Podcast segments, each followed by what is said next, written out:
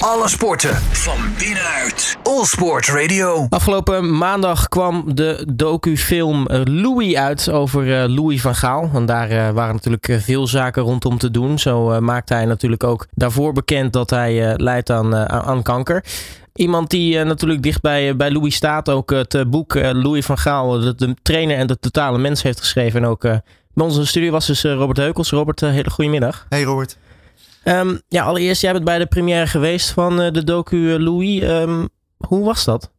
Ja, indrukwekkend. Je merkt daar natuurlijk aan iedereen en alles van... Uh, goh, we hebben nieuws hè, gehoord wat veel mensen niet wisten. Ik denk toch echt van 9 van de 10 mensen zeiden van ik wist het niet.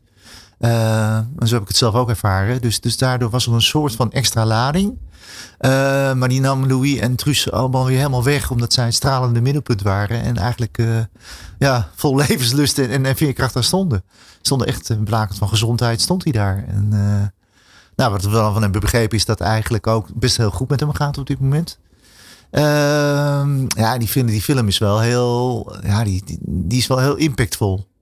Ja, want um, een week daarvoor eigenlijk maakte hij dit zelf bekend op, ja. op de nationale televisie. Wat, wat, dacht jij toen je dat, uh, dat eigenlijk voor het eerst hoorde? Nou, ik werd wakker op maandagochtend. Uh, dus ik checkte altijd eventjes het doek even voor mijn kinderen wat er aan de hand is in de Oekraïne. Omdat dat zij zijn er heel erg mee begaan. En toen viel mij op dat bij Twitter Louis van Gaal nogal trending was. En dan denk ja, je, dan ga je oh, kijken. wat heeft hij dit keer gezegd? Ja, ja dan ga je denken van, goh, wat, wat zou er gebeurd zijn, weet je. En hij had zoveel hits ja, toen schrok ik wel heel erg. En toen heb ik die ochtend uh, even mijn werk opzij gezet om toch even Umberto uh, terug te kijken. En dat was wel even slikken, ja. Ja, ook omdat ik zoiets had van... Ja, het klinkt een beetje gek, maar ik was hem een beetje kwijt de laatste tijd. Ik dacht van, waar, waar is hij nou? Want hij is altijd heel attent en uh, veel appjes. En, en hij heeft overal altijd wel een opmerking over. En nu was hij heel stil. Ja, dat, dat hadden heel veel mensen, merkte ik maandagavond. Ja, want uh, ja, jij kent uh, Louis natuurlijk uh, goed. Je hebt ook niet voor niets natuurlijk dat, dat, dat boek geschreven. Um, ja, ik kan me voorstellen dat het voor jou ook als een soort nou donderslag bij heldere hemel geweest moet zijn. Want ja, hij heeft het eigenlijk echt eigenlijk niemand verteld. Nee, dat is heel. Ja, ik had het nog over met een van zijn beste vrienden, Cor de Wit. Cor is ook een van de initiatoren van, van mijn boek. En die zei ook van, want hij wist het wel. Hij zegt, denk ik, wel, misschien zijn beste vriend. Die zei van, het is ongelooflijk dat niemand in, dat, in een hele ziekenhuis. Want hij is echt heel veel gezien daar. Dat zie je ook in de film trouwens. Dat hij daar gewoon op de gang zit te wachten als iedereen, ieder ander. Uh, maar niemand heeft ooit gezegd van, goh, uw verhaal is naar het ziekenhuis. Of, uh, of misschien hebben de mensen gedacht van, ja, hij is natuurlijk ook in die periode gevallen. Hè? Hij zat toen in een rolstoel. Ja. Dat kwam allemaal een beetje samen. Maar ja, het is natuurlijk fenomenaal dat hij dat stil heeft kunnen houden. En, en ook niet zijn spelers heeft verteld. met, de duidelijke visie van als ik dat ga doen, dan weet ik niet wat de impact is op hun, uh, op hun prestaties. Daardoor is de klap op het punt dat je het hoort natuurlijk wel iets harder. Dat je, dat je hè, normaal gesproken dan voel je wel of iemand niet gezond is of of dat er iets aan de hand is. Dat hadden we allemaal niet. Het was, het was meer een soort stilte die, die vreemd aanvoelde voor, voor Louis. Nou, eigenlijk is het voor, voor hem eigenlijk nog een soort van mazzel dan dat hij, dat gevallen is. En dat mensen waarschijnlijk daardoor dachten van, oh, dat zou misschien revalidatie of daarmee te maken hebben dat hij, uh, dat in het ziekenhuis is. Ja, dat zou best kunnen. Want, want het laatste jaar is het natuurlijk altijd wel wat met Louis. Want, want hij staat hij natuurlijk een, uh, een blessure. Uh, waardoor hij wat pijn leed. En, en, en toen, toen dit. En, en hij heeft natuurlijk nog ook die corona die laatst gehad. Dus ja, weet je, hij, hij valt wel van het een in het ander. En hij lost dat met een soort humor allemaal op.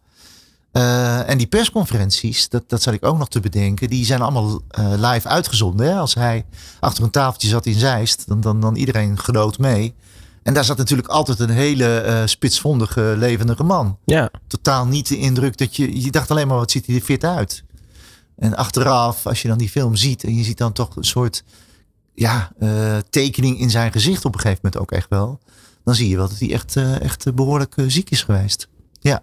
Ja, we hadden het al even kort over die uh, première waar je was geweest. Je zei al, het is een uh, indrukwekkende, indrukwekkende docufilm.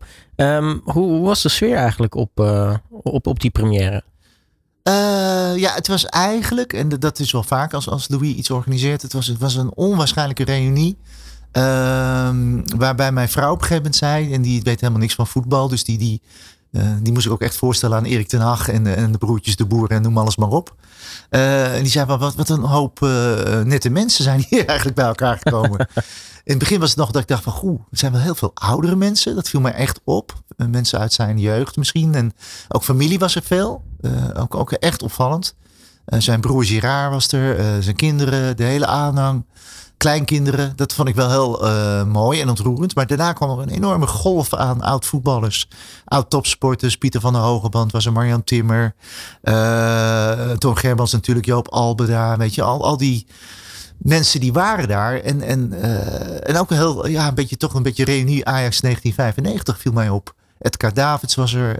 de Roland en Frank de Boer van de SAR dat liep er allemaal rond. Natuurlijk Danny Blind. Uh, vond, vond, vond het wel leuk. En, en het mengde zich goed. En, en het was ook echt wel de sfeer van... Uh, uh, dat mensen echt, echt zin hadden om die film te kijken.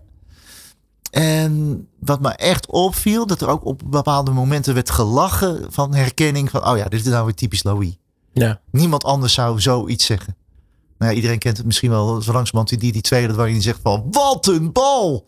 Nou ja, dan slaat hij die zelf op de golfkoers. Uh, hij is uitermate tevreden over zichzelf af en toe. En aan de andere kant is hij ook heel kwetsbaar in die film. Heel kwetsbaar. En dat is, maakt het heel mooi. Nou, dat is eigenlijk een kant van Louis van Gaal die we eigenlijk nog nooit gezien nee, hebben. Nee, nee, dat vond ik echt heel mooi. En ik vond het ook heel mooi dat, dat je die relatie met Truus en, en ja, ook een beetje.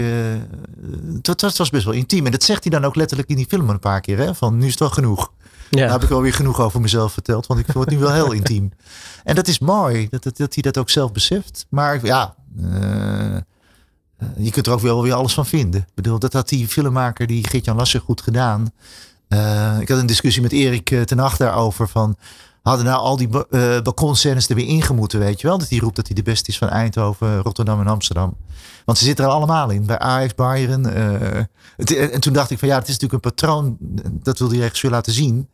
Uh, dat hij het overal doet. En, en dat er ook een soort andere lading in zit. En dat vond ik wel mooi. Dat dat had Gitjan zeg maar had het volledig laten zien. Dus niet alleen maar die uitroep. Maar ook de nuance die Louis af en toe daarin aan had gelegd. Die je nooit meer ziet. Die, die is op de een of andere gekke manier uitgeknipt blijkbaar. En dan zie je dat Louis het ook met een, een vette knipoog heeft gedaan. Al die gekke uh, balkonscènes. Ja. Ja, dat is toch de, de humor van Louis van Gaal te voet uit. Ja, en dat wist ik niet. Dat wist ik niet. En, en, en ik was dat ook kwijt. Maar hij zegt aan het eind van de... Uh, en dat zit heel mooi in die film. Dan zegt hij... Ja, en nou is het wel weer mooi geweest. Want morgen moeten we gewoon weer spelen. En, en het weekend hebben we weer een wedstrijd. En dit is het moment. Maar er komt weer van alles aan, weet je wel. Dus dan relativeert hij eigenlijk al zijn uh, gekke uitspraken. Ja, ik was dat kwijt, eerlijk gezegd. Ja, is, is, is het een aanrader voor de mensen misschien thuis te luisteren? Denken van, goh, ik, ik, ik, ik wil misschien wel van naar de bioscoop toe om, uh, om te zien. Ja, ik denk echt dat die mensen uh, die film moeten zien. Omdat ze dan echt Louis leren kennen zoals hij echt is. Um, en, en, voor mij waren de mooiste momenten toch wel...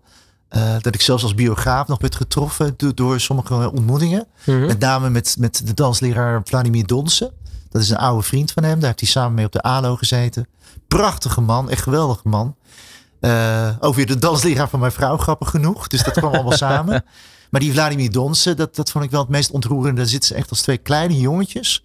Uh, op hun oude leeftijd naar oude beelden te kijken. En, en ja, met ontbloot bovenlijf, vroeger ging dat allemaal zo, gymnastiek. Ja, dan zie je een soort vergankelijkheid. Hè? Uh, Raccoon heeft een geweldig nummer. de historie van een man.